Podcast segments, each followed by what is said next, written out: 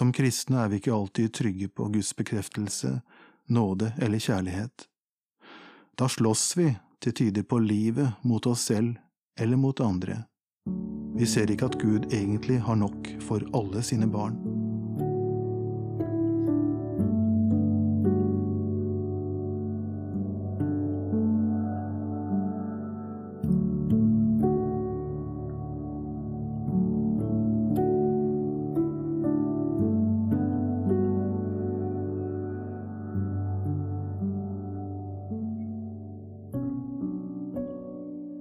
Barn kan nok krangle en del, men når essensielle ting mangler i familien, kan det skje på en annen måte, dypere og mer opprivende.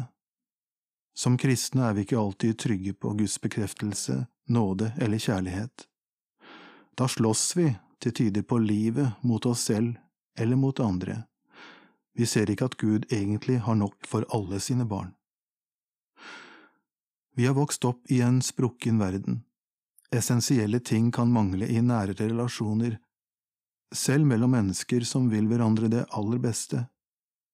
Det overfører vi ofte på Gud.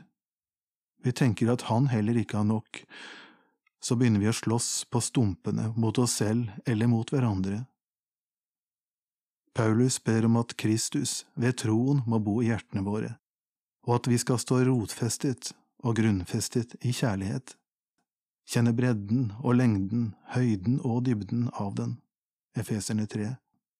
Guds tredimensjonale og overveldende kjærlighet. Jesus forteller ikke lignelsen om én bortkommen sønn, men om to. For da faren tok imot broren som kom hjem, ble den hjemmeværende sønnen sint.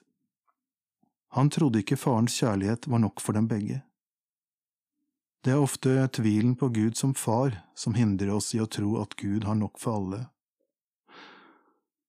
Gudsbildet og erfaringene med våre foreldre er ofte så sammenvevd at vi ikke stiller spørsmål ved det.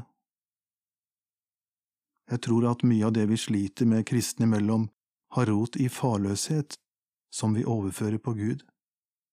Da slåss vi mot, mistenkeliggjør og misunner vi hverandre. Men Jesus har åpnet veien helt inn til en far som virkelig har nok for alle. En ny erfaring av Gud som far er mulig. Det er et godt råd at du midt i stormen vender oppmerksomheten til ham.